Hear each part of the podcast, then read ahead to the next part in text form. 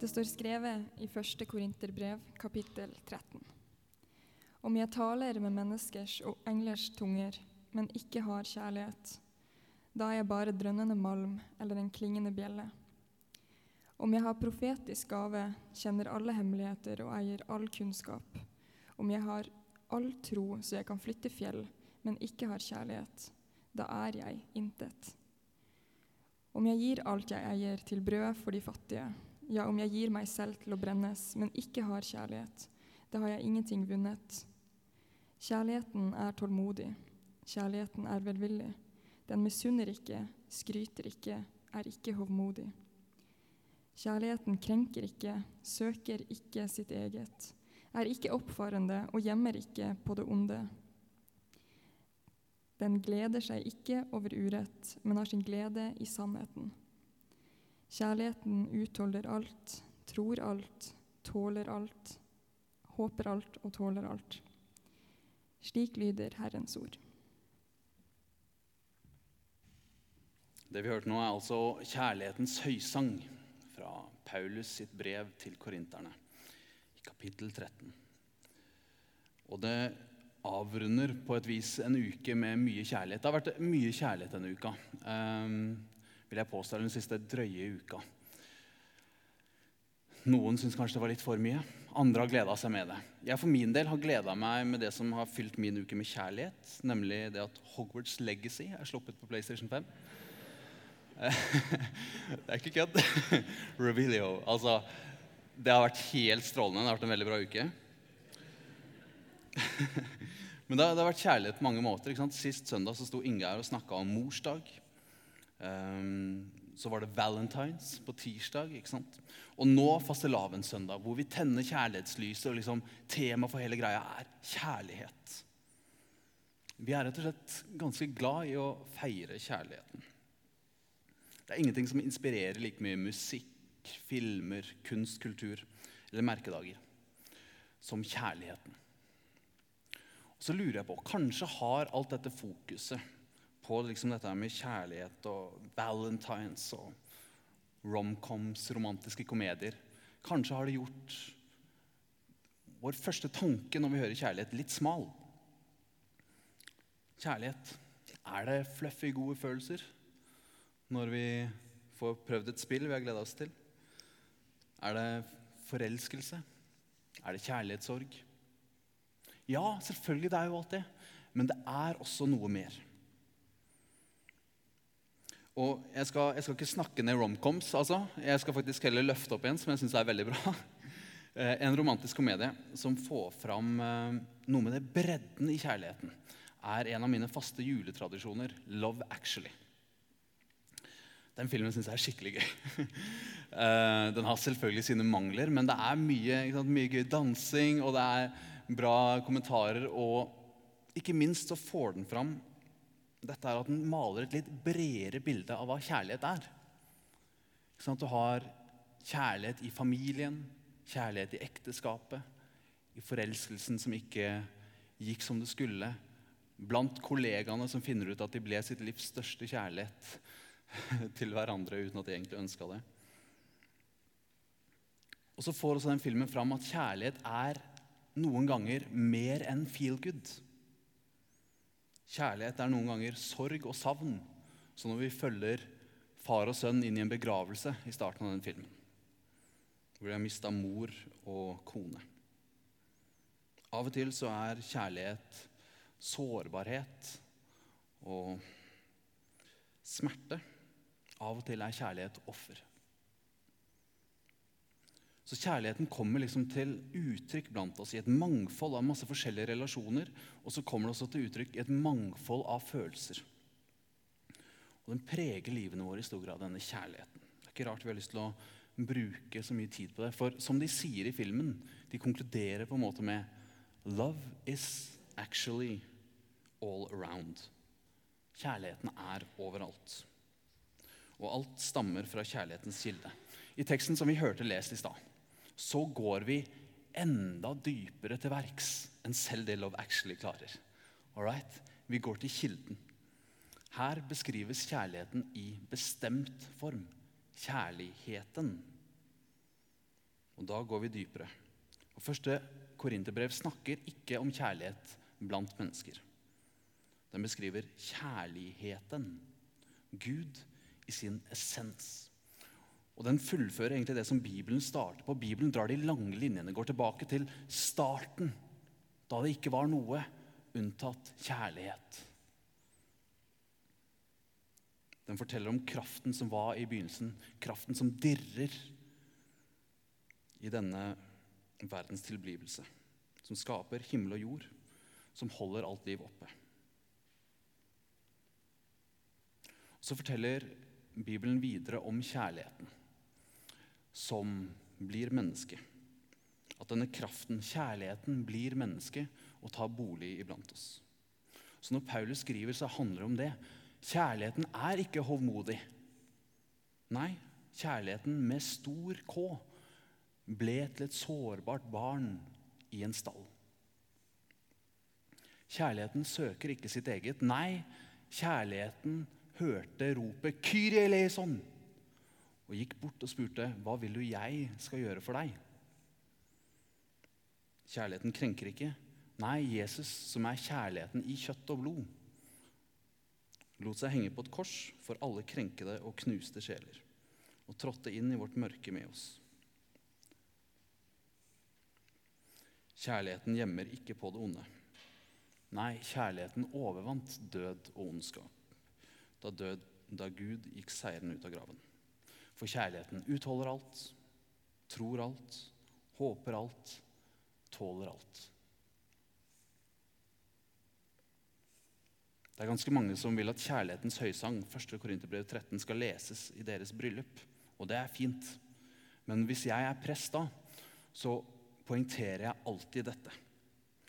Dette er ikke oss. Vår kjærlighet tror ikke alt, den håper ikke alt, den utholder ikke alt. Og det skal den heller ikke gjøre. Det kan bare Gud gjøre.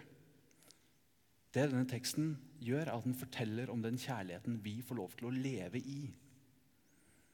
Nåde er å få lov til å ta imot denne kjærligheten ufortjent.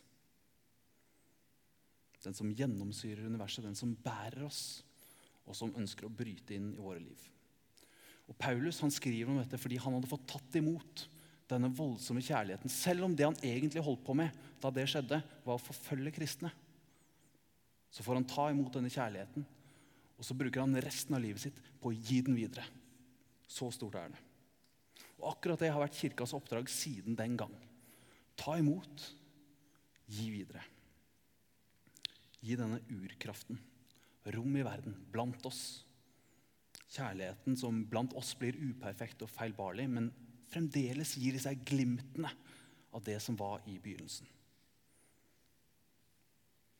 Når det gjelder å beskrive kjærligheten med ord, så kan ingen overgå Paulus. Han runda det spillet, på en måte. Men det kirka har gjort, er at de har mest av alt prøvd å forkynne i handling. Oppdraget er å være Jesu kropp, altså å være kjærlighet. Show, don't tell, et vis. Kirka har ikke alltid levd opp til det oppdraget. og Sist jeg hadde preken her, så snakka jeg om akkurat det. Hvordan kirka har kommet til kort i møte med f.eks. det samiske folk og andre folkegrupper. Men faktum er at verden er blitt fundamentalt endra siden kjærligheten, siden Jesus trådte inn i den.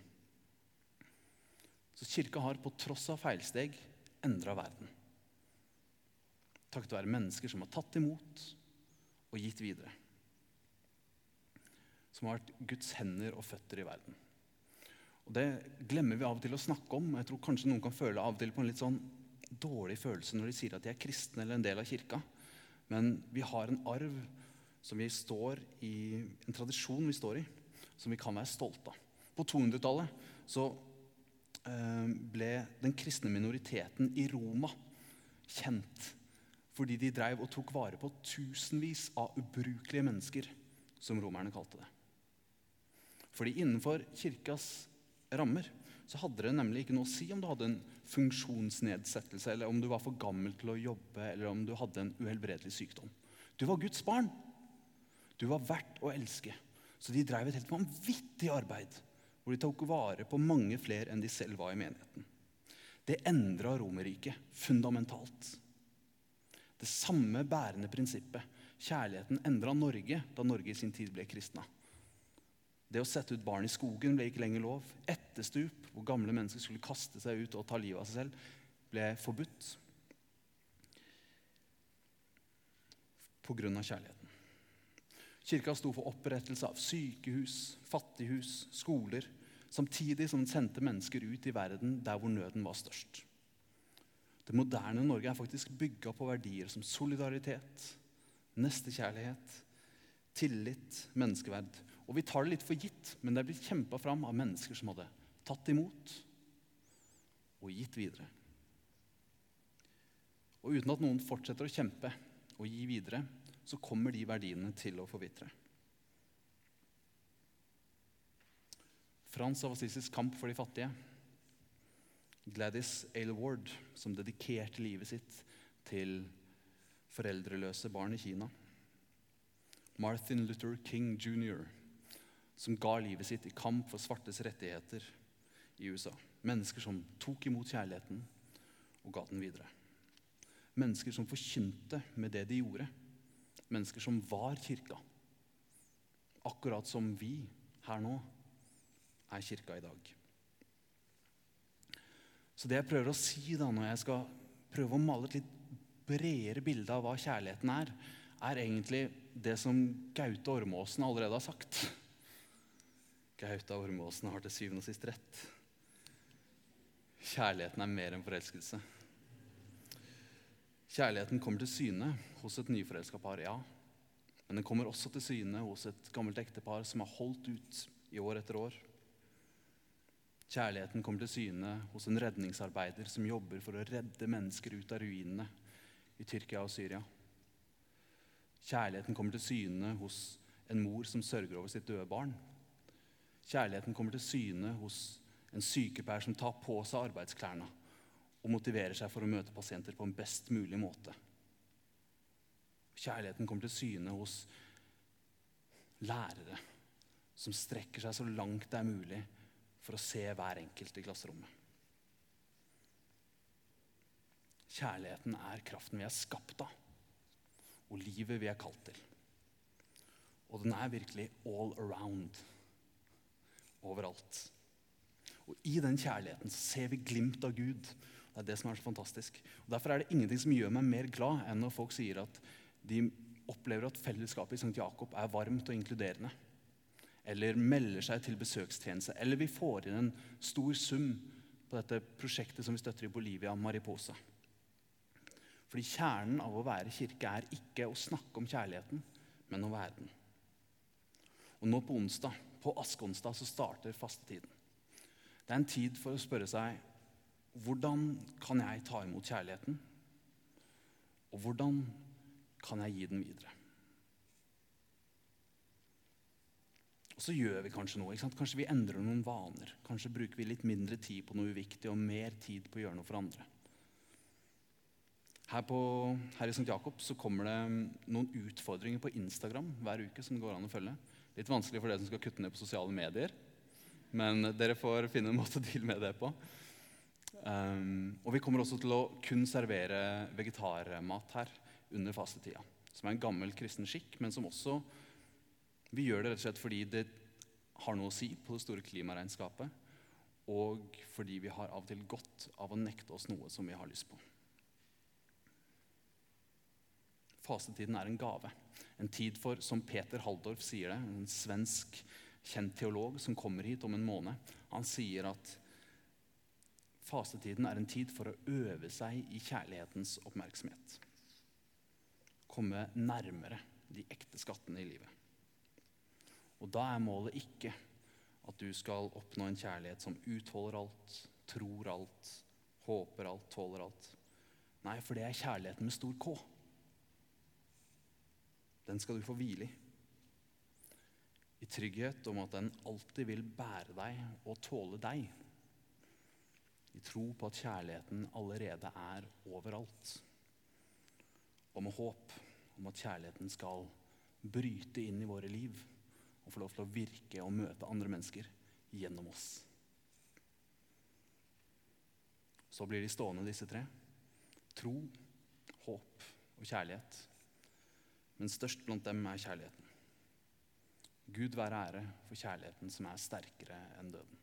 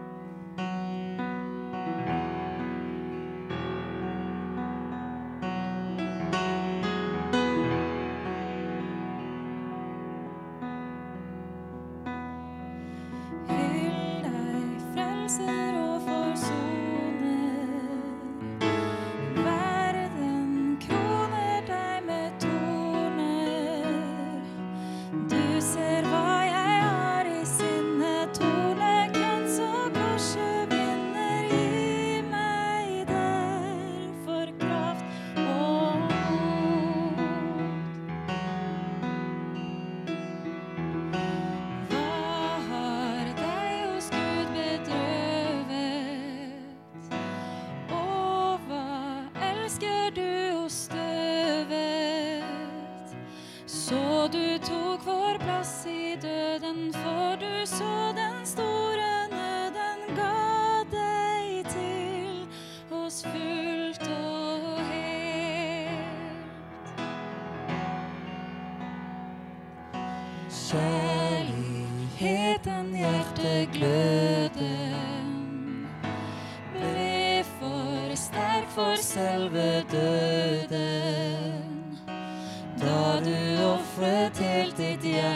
outside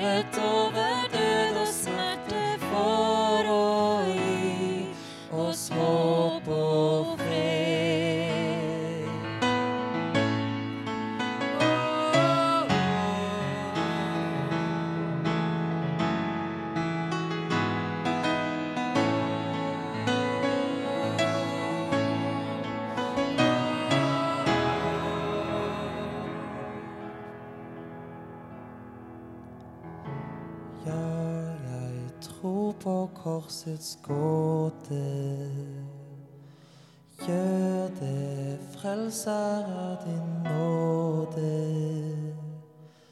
Vær meg nær når synden frister. Ta min hånd og hjertet brister. Si vi går til paradis.